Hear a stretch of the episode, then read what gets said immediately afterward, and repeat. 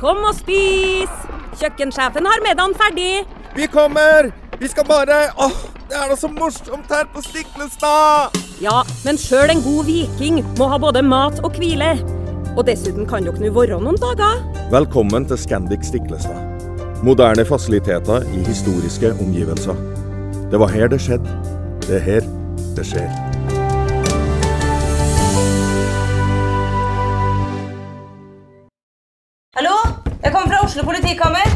Ine Jansen er purk. Er du purk? The motherfucking bitch. Alt jeg vil, er å finne ut hva som skjedde med mannen min. Jon Carew. Er jeg sikta for noe? Iben Akeli. Det er du. Ole So, Lars Berrum og Big Daddy Karsten. Hvem sin side er du på, egentlig? Anette Hoff, Tone Danielsen, Kommer du fra Afrika?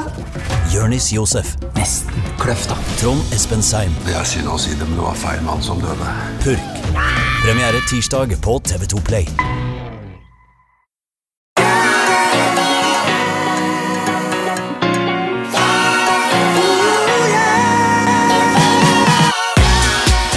Velkommen til en ny episode av eh, Hjernesterk. Eh, Ole Petter, eh, vi har jo snakket om hjemmekontor, og covid-19 har vi jo viet en del plass på den podkasten her.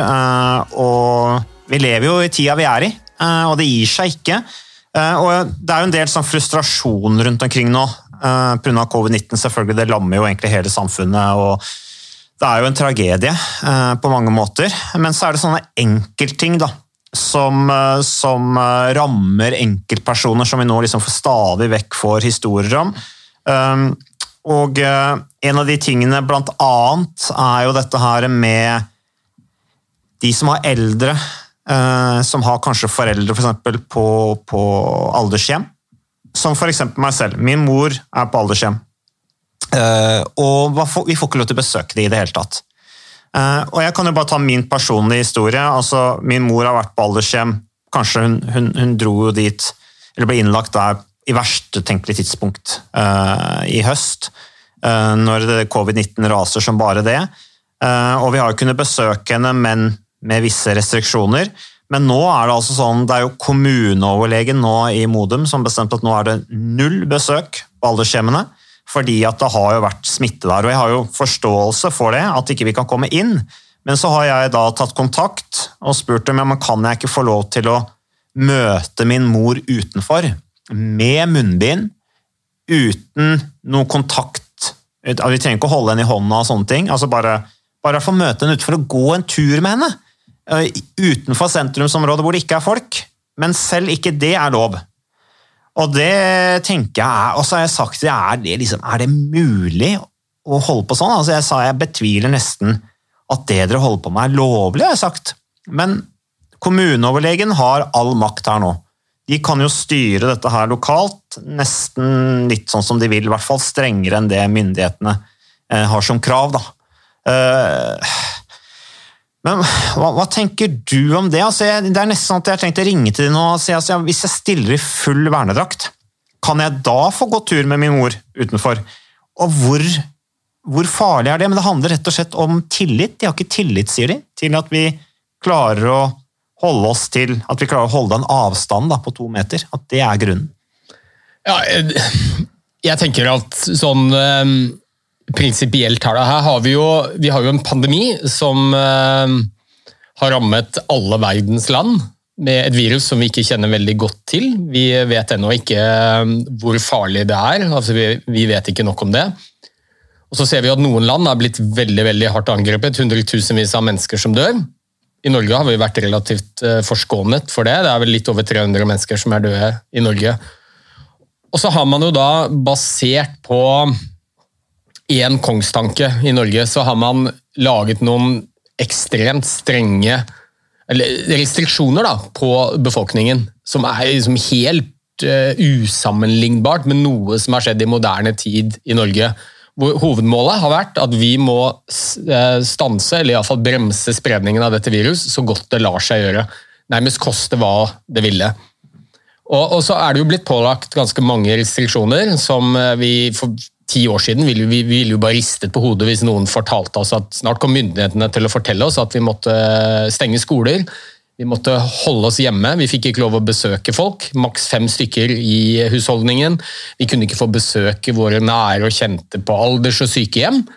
Så Det er liksom den ene delen av det, da, hvor man eh, setter alle kluter til eh, for litt satt på spissen å beskytte de mest sårbare i samfunnet. Og Det er jo en god og human tanke. Det er ikke noe vanskelig å se den. Og vi har jo gjort det bra i Norge òg. Altså, sammenlignet med andre land så har vi gjort det relativt bra. Vi har jo hatt rimelig god kontroll, det må vi jo være ærlige og si. Liksom, all honnør til norske befolkningen for hvordan vi har håndtert det egentlig til nå. Det har jo ikke, det har jo ikke Sykehusene har jo ikke mistet kontroll. Vi, altså, det er jo ikke overfylte sykehus, f.eks. Vi er ikke tomme for respiratorer. Eh, Så, og det går jo rimelig greit, og vi, vi kan jo også lese i, eh, i media om andre land hvor det er enda strengere, hvor du til og med må ha munnbind når du er ute på gata. Det må vi jo heldigvis ennå ikke i Norge, da. Nei da, det har gått eh, relativt bra i Norge sammenlignet med veldig mange andre land. Og så kan man jo stille seg spørsmålet da, er det fordi myndighetene kanskje har de overreagert? Altså Er ikke dette så farlig som myndighetene skal ha det til? Den andre siden er jo at jo, kanskje grunnen til at det har gått så bra, er nettopp fordi vi har kommet med de restriksjonene som man har. da. Men jeg tenker det er to ting med disse anbefalingene og restriksjonene som myndighetene har pålagt oss, og som vi selvfølgelig prøver å følge etter beste evne, alle mann, så godt som.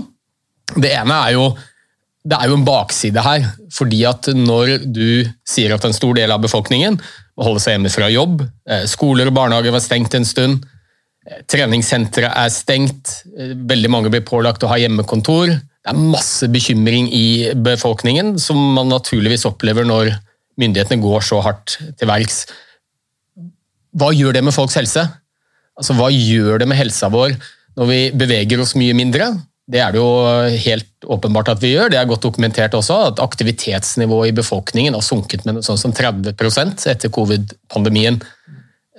Folk rapporterer om dårligere søvn, det er mange som er bekymra, det er mye stress i hverdagen. For ikke snakke om de sosioøkonomiske, altså samfunnsøkonomiske kostnadene ved at vi stenger ned halve Norge. Mange mister jobben, får problemer med å betale for lånene sine, lurer på om de må selge huset. Altså, alt dette gjør noe med oss, og kanskje ikke minst det der med sosial distansering. da.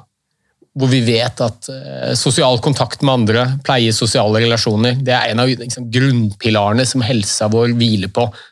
Så mitt spørsmål er jo da har myndighetene tatt god nok høyde for det? Kanskje er det sånn at bivirkningene ved alle disse restriksjonene faktisk er mye verre enn viruset selv. Det er jo den ene biten, og den andre biten som du var inne på, er jo hva er lovligheten ved alle disse inngripene? Og det er klart at Myndighetene har ganske vide fullmakter når det gjelder det, ifølge smittevernloven osv. Men nå er det jo en del jusprofessorer og lignende som stiller spørsmål ved om en del av disse restriksjonene går på tvers av menneskerettighetskonvensjonen. Ja, og takk og lov, for vi lever jo ikke i et diktatur.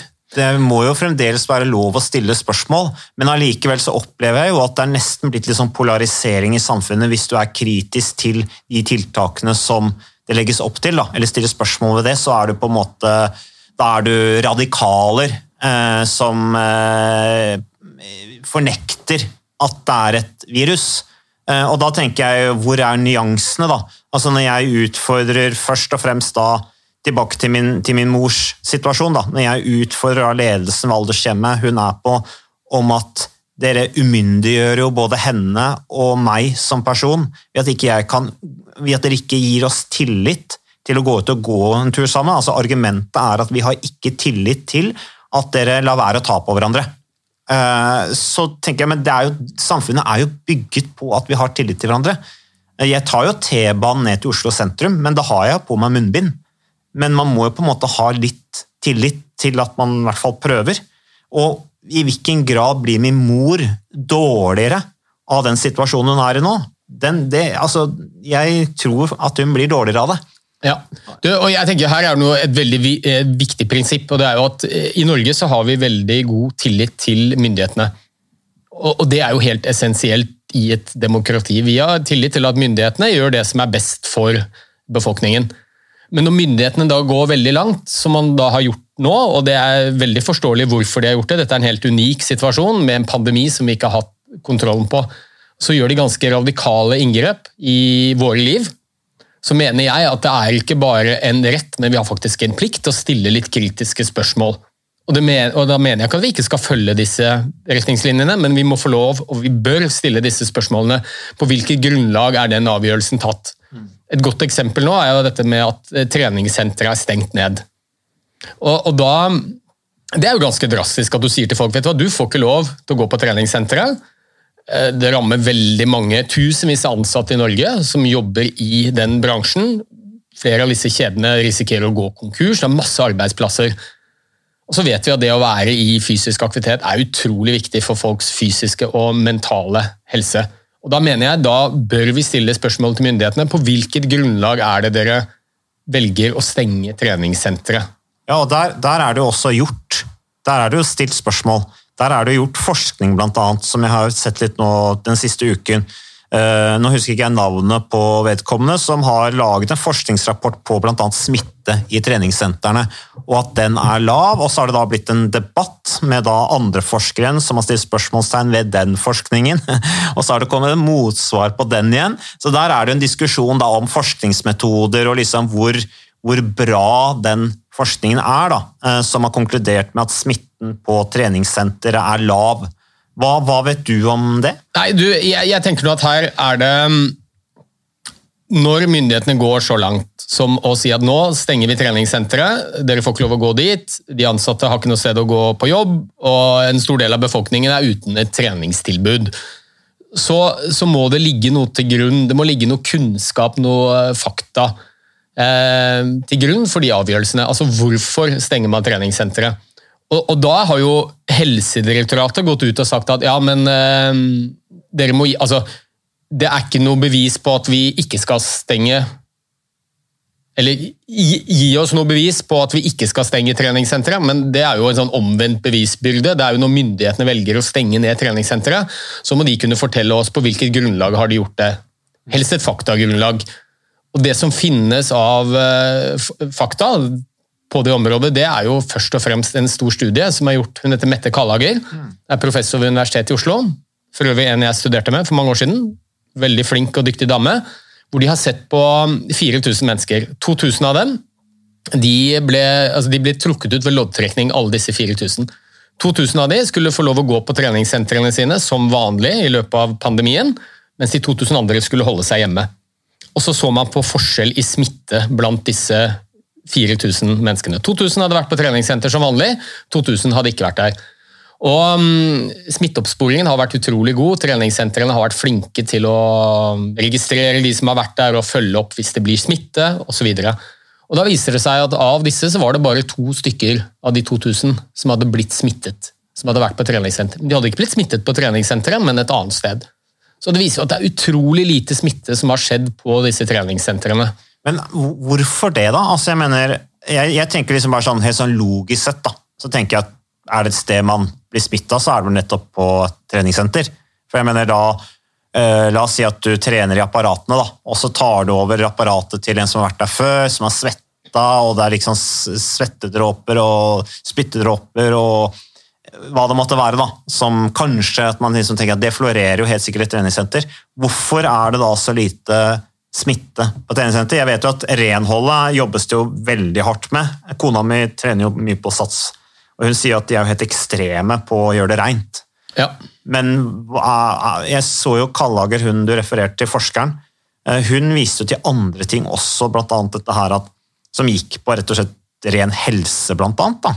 Eh, så hvorfor er det ikke Eh, hvorfor er det ikke så mye smitte på treningssenter? Ja, Det blir jo litt spekulasjon fra min side, men jeg tror noe av det handler om at treningssentrene har vært utrolig eh, flinke til å, å prøve å holde seg innenfor disse restriksjonene som man har pålagt, med avstand, med vasking av hender, med smitteoppsporing osv. Så, så tror jeg vi må huske også at den andelen av befolkningen som går på treningssenter, det er jo stort sett en relativt uh, ung og frisk del av befolkningen som nok har en god helse i bånn. Og, og, da vet vi at hvis du, um, hvis du er sunn og frisk og i god helse og er flink til å trene, så er det også mindre sannsynlig. Men de kan jo bli smitta, de òg. Ja, ja, er det det? Ja. Eller er det bare hvor hardt du blir rammet? Ja, Det er nok begge deler. Eh, vi vet jo at det å være i god fysisk form eh, styrker immunforsvaret. Og vi vet også at de som er i god fysisk form, de blir mindre alvorlig angrepet når de først blir syke. Men jeg tenker nå da at når myndighetene da skal eh, ha stengt treningssenter, så er det vår plikt å stille noen kritiske spørsmål. Og, og det eneste myndighetene sier, er jo at nei, vi stenger treningssentrene for å forhindre smitte. Og det beste vi har av data, forteller oss jo at det har vært utrolig lite smitte på disse treningssentrene. At det er større sannsynlighet for å bli smittet i butikken, på skolen, andre steder i samfunnet. Det har vært mye mindre smitte i treningssenteret enn i resten av samfunnet. Og Da er det jo helt ulogisk at man skal gå til det skritt å stenge treningssenter, når vi på toppen av det vet hvor viktig dette er, fysisk aktivitet, bevegelse, for helsa vår, fysisk og mentalt. Samtidig så skjønner jeg jo også politikerne. ikke sant? De, er jo, de har noen veldig vanskelige valg de må ta. Her er det en pandemi, og vi ser til myndighetene for å finne gode løsninger på hvordan vi kan komme oss gjennom dette. Men så tror jeg litt av utfordringen er at eh, noe av det aller viktigste politikerne gjør, hvis du skal verne om ditt politiske liv og bli gjenvalgt osv., det er jo å vise handlekraft. Og jeg tror det er sånn at eh, det er mye verre å vise manglende handlekraft enn å gå for langt. Mm. Jeg tror det er lettere å bli kritisert i ettertid hvis du gjorde for lite, enn hvis du gjorde for mye. Mm. Men jeg er litt bekymret for at myndighetene ikke klarer å gi oss noen god, god, argumentasjon for en del av de tiltakene de gjør. Og I dag burde vi vite litt. Nå har vi kommet ganske langt inn i pandemien, og vi har mye tall som forteller oss at smitten på treningssenteret har vært lav. Så jeg tenker det er betimelig, og det er vår plikt til å stille sånne spørsmål til myndighetene. Og da bør vi få noen gode svar. Ikke et svar om at ja, men vi, vi gjør det bare for å redusere smitte. Det er vi alle enig i, men vi må jo prøve å velge de tiltakene som har best effekt, uten at det gir for mye plager og bivirkninger for befolkningen. Mm. Ja, men da tenker jeg på, eh, Og det er, det er jo helt, eh, jeg er helt enig i at man må jo ha noen gode argumenter for hvorfor man gjøre en sånn ekstrem håndtering da, som det der blitt gjort. Eh, og vi har jo akseptert det meste og egentlig heia på det og vært fornøyd med hvordan vi har håndtert situasjonen så langt. Det har gått relativt bra for seg, tilbake til det, som jeg var inne på, i, Norge. Men så er det dette med, med bare litt tilbake til med treningssenter. Jeg, jeg, kan jo på en måte for, At myndighetene er på den sikre siden, og det er mye lettere å bare stenge ting. Og, og de har jo gode argumenter altså de, har, de på en måte Eh, de, de, kan jo argumentere for det, eh, at det er lurt å gjøre, og man kan jo til en viss grad forstå det. Eh, og Da er det interessant når det da kommer forskning som sier at ja, men det er jo veldig lite smitte på treningssenteret. Men så kan man jo si at ja, men du må jo ikke dra på et treningssenter for å få mosjonert heller. Altså Du kan jo gå ut i skogen og gå deg en tur, eller trene hjemme på gulvet, eller løpe opp trappa. Altså, vi hører jo om bl.a. køene som kom i Bærum. da, når de stengte i Oslo, så reiste alle til Bærum og trente der. og Så presset da Oslo-politikerne på for at de skulle stenge Bærum, og det har de jo da til slutt gjort. Men det er liksom sånn man kan jo, Jeg kan jo på en viss grad forstå også at men da får de gjøre noe annet i mellomtiden, og det er jo mulig å gjøre. Eh, kona mi er ikke veldig glad i å løpe, men hun har jo nå begynt å løpe, da, selv om, synes, selv om det sitter langt inne for henne, for hun trener bare på tennissenter. Så har jeg sagt at nå får du prøve å ivareta den der løpeformen, fordi at det er jo greit å ha de gangene du ikke kan gå på treningssenter også, men er det, er det, overreagerer man litt i trenings, av de som er så avhengig av å gå på treningssenter? Ja, Hvis du tenker at dette er en situasjon hvor det er primært synd på de enkeltindividene som uh, har lyst til å trene, men treningssenteret er stengt, så tenker jeg det er bare en bitte liten del av det. Dette er jo mye mer nyansert enn som så. Jeg tenker Det er flere ting som er viktige her. Det ene er jo det prinsipielle når man går så langt at man sier til mennesker at nå får ikke du lov til å gå på et treningssenter, mm. så er jo det en ganske alvorlig inngripen i folks private sfære. Ja, Eller nå får ikke du lov til å drive treningssenteret. Ja, ikke sant? så det er det ene. Eh, og jeg tenker hvis vi skal opprettholde tillit Ukas annonsør det er eh, HelloFresh. Og eh, hvis du nå går inn på hellofresh.no og bruker koden 'fresh hjerne', så kan du få opptil 1779 kroner rabatt på da de fem første matkassene dine, hvis du ikke har prøvd Hello Fresh enda. Og Ole Petter, vi er jo glad i Hello Fresh i podkasten Jernsterk, selvfølgelig fordi at de er en annonsør. De er med og bidrar til å spre det glade ordet om fysisk aktivitet og god helse, men i tillegg så har jo vi også nå lang erfaring med Hello Fresh eh, selv, så vi må jo si at det har vært gode erfaringer til nå. Ja, absolutt. Visste du Mats, at HelloFresh det er faktisk verdens ledende matkasseleverandør? og Tilbudene til HelloFresh gjør det enkelt å lage gode og varierte retter som skaper matglede. Og matglede vet du, det er like viktig som hva du putter i munnen. Det å spise mat med folk du trives med. Så gjennom 25 nye og inspirerende retter hver uke så bidrar HelloFresh til dette. Du kan bestille ekstra porsjoner om du får gjester, eller hoppe over uke hvis du f.eks. skal bort. Mm. Og Det er ingen bindingstid, og du velger leveringstidspunkt og dag selv, så leverer HelloFresh matkassen din akkurat når det passer deg. Ikke dårlig, Mats. Nei, det er veldig bra. Så, eh, og dette er med enklere hverdag, det kan jeg nå skrive under på. For nå, forrige erfaring vi hadde forrige uke, Ole Petter, det syns jeg var Det var jo et gjennombrudd eh, for familien Kaggestad. For da lagde rett og slett barna de lagde middag og serverte middagen, så den var ferdig laget og servert da når eh, min kone Marita og meg kom hjem fra jobb. Og jeg mener Det var jo bare helt utrolig. Eh, det var helt fantastisk. Det ble en nydelig middag. Riktignok de, de, de, de roter og søler litt, det gjør de. Så, men, men, maten ble veldig god. De var veldig stolte over å kunne ha både laget og servert maten, så det var helt fantastisk. Så vi har jo da i siste så har vi eh, spist eh, bl.a. sitron- og dillstekt hyse med ovnsbakte grønnsaker og aioli. Eh, vi har spist middelhavsinspirert kylling. Taco, så finnes det mange ulike typer taco, f.eks. vietnamesisk taco, som vi har spist. Thailandsk vegetargryte. Veldig riktig og sunt uh, i dagens uh, samfunn med, med, fokus på bærekraft. Hvitløk og chilistekte reker i spagetti, det var definitivt en vinner. Så det er så flott. Du får rimelig mat ved at du kun betaler for det du trenger, så det blir ordentlig feststemning med Hello Fresh. Det gjør det, og nå er det bare for deg å gå inn på hellofresh.no og bruk koden FRESH gjerne. Da får du opptil 1779 kroner rabatt på de første fem matkassene dine, hvis du ikke allerede har prøvd HelloFresh. Du kan også bruke rabattkoden hvis du har stoppet abonnementet ditt for tolv måneder siden eller mer. Er det noe å lure på? Håper maten smaker godt. Bon appétit! Til myndighetene, og det ønsker vi jo. Det er jo sant, en av eh, de viktigste faktorene i et demokrati. Så, så stiller vi oss jo bak disse tiltakene dersom myndighetene kan argumentere godt for hvorfor de har gjort det. Det må være noe, et faktagrunnlag som ligger i bånn her, som gjør at man går såpass langt. Det andre er jo at dette rammer jo veldig mange flere enn bare de som trener på et treningssenter. Mange av de kan trene ute og gjøre andre ting, men det handler jo om arbeidsplassen til tusenvis av mennesker, bedrifter, som risikerer å gå konkurs. Hva gjør det med folks helse?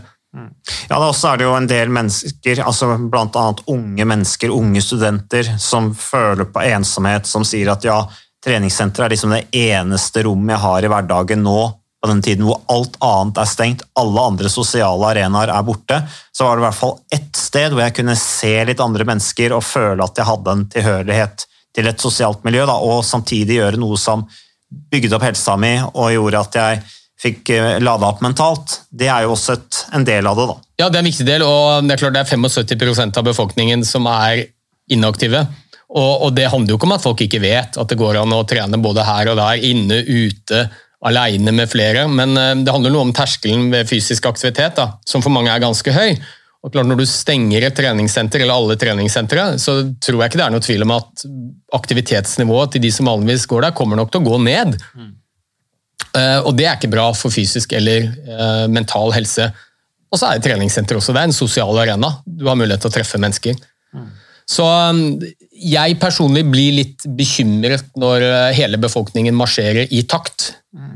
Jeg skulle ønske det var flere, også fagpersoner, som turte å stille litt kritiske spørsmål Og jeg mener ikke at vi ikke skal følge retningslinjene, det skal vi. Vi stiller oss bak myndighetene, for de har gjort mange gode valg.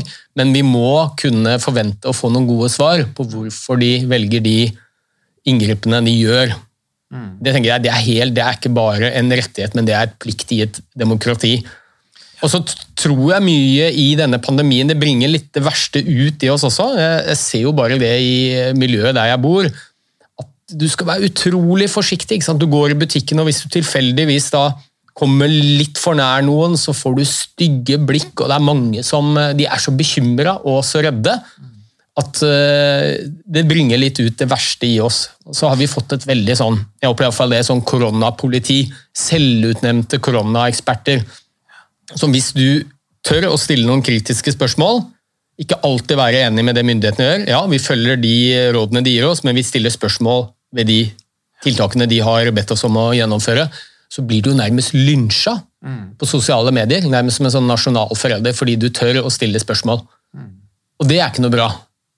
Nei, det er ikke noe bra. Man må bare holde seg unna sosiale medier. holder jeg på å si. Altså, det er enkelte sosiale medier jeg nå bare har vent meg til å ikke ikke være noe særlig, fordi at du må på en måte beskytte deg sjøl. Litt sånn er det i hvert fall hvis man skal uttrykke seg offentlig i dag via sosiale medier. Det er bare å skygge unna. Du sier det du mener, men du, du lar være å se på svarene. Men, eh, men mange gode poeng, Ole Petter. Og tilbake til poenget. da. Dette er med å akseptere beslutninger som blir tatt. Og, og nå, I og med at dette her hjernesterk handler om fysisk aktivitet, og trening, og sånn, så er det naturlig at vi snakker om om treningssenteret, som jo er en viktig arena for folkehelse. Veldig mange som, som, som, er avhengig av det for å få beveget seg, og som har stor, stor, glede av å være der. De trives på treningssenteret. De trives kanskje ikke så mye ute i mørket alene nå uh, som på et treningssenter hvor de føler seg kanskje tryggere, og i tillegg dette sosiale aspektet. Men det jeg ikke klarer å se logikken i, det er at tilbake til denne situasjonen med min mor jeg, jeg, kan ikke forstå argumentet for at ikke jeg kan møte henne med munnbind uten fysisk kontakt, eh, to meters avstand, og gå en tur med henne. Altså, jeg, jeg, jeg klarer bare ikke å se argumentet. Det er jo bare fordi at de, det er enkelt å gjøre det sånn, og at de ikke kan skille mellom enkeltindivider. Men det er jo fullstendig mangel på fleksibilitet, tenker jeg. Eh, og nå, nå er jo ikke dette her bestyrerinnen på aldershjemmet, det er ikke hennes beslutning. Eh, hun syns også dette er ille, men det er jo kommuneoverlegen da, som har all makten her. Eh, og Jeg har jo snakket med vedkommende, og hun, hun har forståelse for at dette er en tøff situasjon, men bare enkelt sånn er det nå, sier hun. Mm. Fordi at det har vært smitte på aldershjemmet, og vi kan ikke risikere det. Og, og kommuneoverlegene blir jo nå målt på antall smittede, og i verste fall antall døde. Og da er det på en måte det er det hensynet de tar. Det er det mm. de blir målt på. Det er suksessfaktoren. Bare liksom holde, holde det nede. Men jeg tenker vi må jo nesten prøve å se om vi kan få det til allikevel, tenker jeg da. Mm, så godt det lar seg gjøre. La oss gå tilbake til Nå hadde vi jo alt dette dramaet rundt fotballandslaget, og det, det, ble jo kjemperabalder. Apropos ikke sant? tøft miljø på sosiale medier. Eh, men, men, vi hadde jo Jeg har jo kommentert Spania rundt nå for TV 2.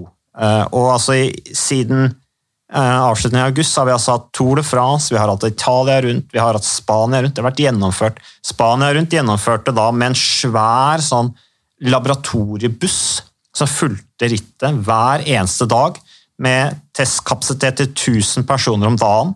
Igjen, altså, du fikk svarene i løpet av noen timer. 18 personer som jobba på det laboratoriet. Det er klart at Spania rundt tjente sikkert ikke så veldig mye penger, men de fikk da i hvert fall gjennomført dette sykkelløpet. Og det var ingen smitte blant utøverne.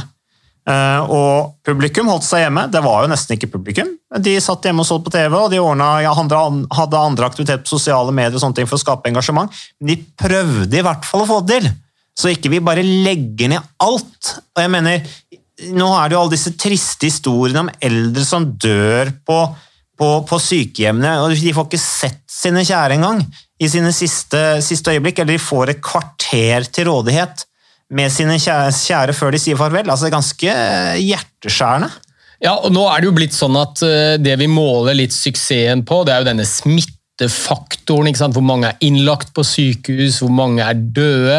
Og Det er helt åpenbart at vi skal prøve å begrense smitten Eh, For dette er et virus som tar livet av folk. Ja, men vi må ikke gjøre det på død og liv. Altså, det er klart Du kunne jo gått til ekstrem Rett og slett låse folk inne. Det gjør man jo i diktaturer. Så rett og slett låser igjen dørene deres og, og sier du, du må holde deg inne. Vi holder folk hjemme fra jobb. Så Det går jo an å gå ekstremt langt her for å bremse spredningen av viruset, men hvilken kostnad har det? Og Jeg tror kanskje vi er på et punkt nå hvor bivirkningene av alle de tiltakene vi gjør, er mye verre for folks helse enn det viruset ville vært.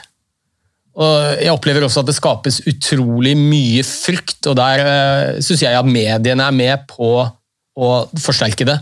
Så du leser på førstesiden i store dagsaviser om en eldre person som har dødd på et sykehjem. Altså Når i historien har vi begynt å telle hvert eneste dødsfall på et sykehjem? Ikke vanskelig å forstå at vi vil unngå smitte på et sykehjem. Der bor det mange sårbare eldre mennesker som er syke fra før. Så vi vil selvfølgelig unngå det. Men å slå det opp med fete typer i avisene Det dør jo hundrevis, om ikke tusenvis. Altså, det, det dør jo folk på sykehjem i hver eneste kommune hvert eneste døgn. Ja, det er de ganske mest, vanlig. Det er de eldste og mest sårbare menneskene som statistisk sett har ganske kort tid igjen å leve. Og, og Det er jo ikke noe vanskelig å føle empati med de som dør på et sykehjem, uansett årsak. Men å slå det opp med store tall Nå har det dødd en person på et sykehjem. Altså Hvilken verdi har det for oss, annet enn å skape frykt? Og, og nå tror jeg veldig mye av det som skjer rundt i samfunnet, er veldig fryktbasert. Så jeg, jeg, jeg tror vi må, vi må holde, holde hodet kaldt og, og hjertet varmt. Og, og se at ja, dette er en virussykdom som for enkelte mennesker kan være veldig alvorlig, det kan være dødelig, men for den store andelen av befolkningen så er dette et relativt snilt virus som de fleste takler veldig greit. Og Når vi nå kommer i en situasjon hvor unge, friske mennesker er livredde for å få korona for sin egen del, da tenker jeg da har vi gått litt for langt. For den frykten som spres da, det gjør noe med helsa vår, den bekymringen, og jeg tror det bringer litt ut det verste i oss også. Eh, Og da, det, er- jo da jeg mener det at eh, det å være politiker, det er selvfølgelig vanskelig, men eh, jeg tror det ligger i sakens natur at det er lett å, å, å heller ta i for hardt enn å ta i for lite. Det er mye lettere å bli kritisert i ettertid hvis du har gjort for lite, enn hvis du har gjort for mye. Være på sikre sida. Ja, og, og jeg tenker det er helt greit at myndighetene gjør det de gjør. De gjør det for vårt beste, men de må kunne forklare hvorfor de har gjort det. Mm. Og vi må tørre å stille spørsmål og utfordre litt. Og jeg tenker bare sånn, I mitt eget nærmiljø, et praktisk eksempel hvor jeg mener det har gått litt for langt. Vi driver en sånn allidrettsgruppe hvor vi prøver å skape gode aktivitetstilbud til barn i grunnskolen. Og Det er lek i gymsal, og det er fotball og friidrett og alle mulige aktiviteter. Som er veldig viktig for barn. Og, og Vi holder oss selvfølgelig innenfor myndighetenes retningslinjer. og Maks 20 av gangen, og distanse og, og spriting og alt det vi kan gjøre. Men vi prøver å holde aktiviteten i gang, for det er så viktig for barna. Men der opplever jo vi at det kommer folk innom bare for å sjekke. ikke sant? Og Litt sånn selvutnevnt koronapoliti. Hvor hele fokuset blir nå ja, men ah, Var det noen som var mindre enn en meter fra hverandre? og og du får negative tilbakemeldinger på det hvis, hvis noen opplever at man er i nærheten av å bryte noen av disse retningslinjene. Og Når det da er en ganske stor andel som driver og, og utnevner seg selv til korona, koronapoliti og anmelder, og lignende, så mener jeg vi har gått for langt. Ja, og jeg mener særlig når det er i en beste hensikt, og man gjør så godt man kan. eh, og det er som du sier, Samfunnet kan jo ikke stoppe helt opp. og Det der å gjøre noe sosial aktivitet, sunt, særlig for barn, da, hvor det er lite smitte i utgangspunktet Vi må jo på en måte prøve å holde hjula litt i gang allikevel. Ja, og selvfølgelig, og Det kan tenkes at et barn blir smittet. Vi holder oss innenfor retningslinjene, gjør så godt vi kan. Og det kan selvfølgelig tenkes at et barn blir smittet. Men det går sannsynligvis ganske bra. Da har vi smitteoppsporing, og vi følger opp, barna blir satt i karantene, familie osv. Men konsekvensen da av å stenge ned all øh, aktivitet, som jo har vært et diskusjonstema også, jeg tror konsekvensene for enkeltindividet og samfunnet det er mye mer negativt det for helsa vår, for samfunnsøkonomien, enn eventuelt om noen skulle bli smittet. Jeg tror vi må huske her at hvis vi skal komme oss ut av denne pandemien, så er det egentlig bare tre løsninger. Det ene er jo at dette viruset brenner ut av seg selv. Det er ikke så mye som tyder på det foreløpig. Eller så må en stor andel av befolkningen få naturlig immunitet. Dvs. Si at de blir smittet og sannsynligvis ikke blir veldig syke, og så er de immune i ettertid. Det er bra for dem, og det er bra for alle rundt dem, for da kan ikke de videreføre dette viruset. Eller så må vi få en vaksine. Eller en kombinasjon. Det har vært mye gode nyheter i dag om vaksine. da. Eh, og det er jo bare å se på sånn som Børsene og sånn går jo oppover, og det er jo fordi at nå begynner man å få tro på at vaksinene faktisk eh, at de er såpass bra, eh, og at vi, snart, at vi snart kan begynne å sette i gang med vaksinering. Så det er jo i hvert fall positivt at det skjer ting nå da, som gjør at det tennes håp. Det nærmer seg jul også for øvrig, som jo er er interessant. Eh, Jeg har jo en søster som bor i Frankrike. Jeg tviler jo på at jeg kommer til å se henne og nevøen min i jula. Eh, Særlig hvis vi må bo ti dager på koronahotell, mm. eller karantenehotell, eller kall det hva du vil, på Gardermoen for å se oss. Eh, Og, jeg vet jo ikke om jeg får sett min mor på aldershjem i jula. Ikke sant? Det er jo ganske voldsomme greier. Så, men poenget mitt er i hvert fall at når det er en forsker som forsker på smittetallene på treningssenteret, og kommer med dokumenter på det, eh, så er i hvert fall det et konstruktivt innspill til debatten, tenker jeg, som vi må ønske velkommen. Eh, Og ikke bare sable ned de forsøkene på å nyansere situasjonen vi er i. Eh, Og i tillegg, for min del, for min personlige historie med min mor, altså når jeg da ringer til kommuneoverlegen og stiller spørsmål med hva de driver med, og bare få svar ja, men da, vi setter alle under én kam, da er det jo ikke noe fleksibilitet i det hele tatt, uansett hvor mye fornuft man prøver. altså om jeg da sier til henne at jeg skal stille i vernedrakt, hun kan jo ikke si, da kan hun ikke si nei! For fordi at da, da gjør man jo det man kan. Eh, så, så, og jeg har jo også snakket med pasientombudet, og de sier at selv de sier også at nei, vet du hva, nå er det, nå er det smittevernloven som gjelder, og den står over alt. Det er ingenting du kan gjøre med det. Uh, eneste du kan gjøre, er å ta kontakt med aldershjemmet og si at pasientene der de har krav på fysisk aktivitet, uh, og da må de være med de eldre ut og gå tur og sånne ting.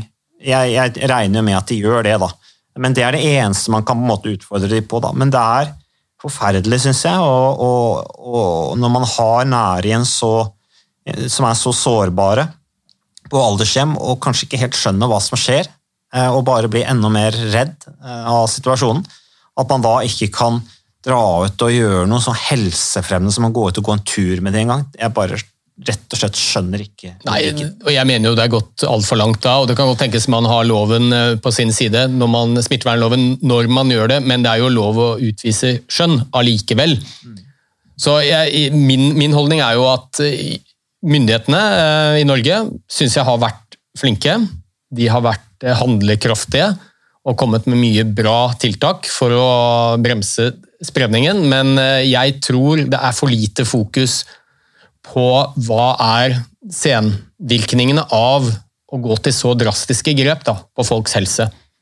Fysisk helse, mental helse, ikke minst dette at vi mister mye av det sosiale rundt oss, og kanskje spesielt de som er ekstra sårbare, gamle, som i utgangspunktet kanskje er ensomme. Og så vet vi at ensomhet er like farlig som å røyke. Og dette er folk som kanskje er ensomme i utgangspunktet, og nå får de ikke engang lov til å se sine nære og kjente i forbindelse med jul kanskje, og høytider.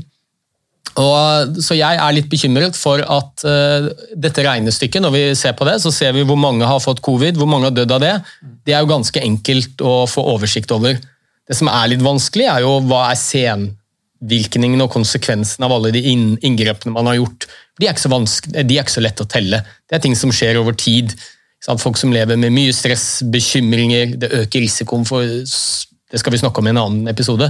Det å gå rundt og være bekymret og ha mye kronisk stress, det, jo, eh, det øker risikoen for så godt som alle sykdommer vi kjenner til. Hjerte-karsykdom og kreft. Og, så jeg tror vi må i litt større grad prøve å se hele bildet, og så må vi kunne forvente at eh, Eller jeg mener at vi i mye større grad bør stille litt kritiske spørsmål og forvente å få svar fra myndighetene. Det er både en, eh, en rett og jeg mener en plikt også i et demokrati. Som jeg sa i sted, jeg opplever nå at det er litt for mange som marsjerer i takt. Det er litt skummelt. Noen må tørre å stille spørsmål, og så må myndighetene svare på det. Det syns jeg ikke myndighetene har vært så gode på. Eh, Fredrik Solvang gjorde jo det i forbindelse med noe munnbind og hva som var evidensen eller grunnlaget for å, å, at man skulle begynne med munnbind, for det var det ganske svak vitenskapelig evidens for. Og Da ønsket han en svar fra helseministeren. Hvorfor gjør dere dette likevel? Og Da fikk han jo ikke noe godt svar, annet enn at han fikk svar at ja, du må ikke komme her og tro at dette er noe som Folkehelseinstituttet ikke står bak, eller Helsedirektoratet. Sånn god dag, mann, økseskaft-svar. Du må svare på spørsmålet. Jeg tror det er viktig for å opprettholde tilliten i et dem demokrati.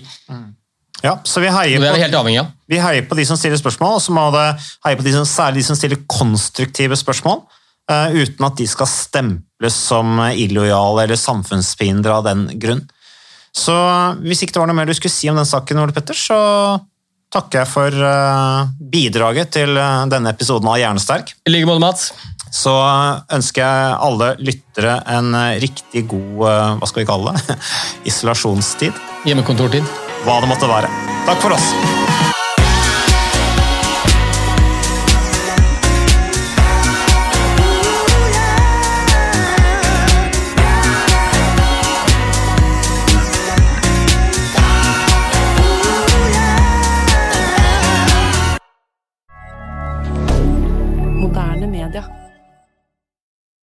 Har du et enkeltpersonforetak eller en liten bedrift? Da er du sikkert lei av å høre meg snakke om hvor enkelt det er med kvitteringer og bilag i fiken, så vi eh, gir oss her, vi. Fordi vi liker enkelt. Fiken superenkelt regnskap.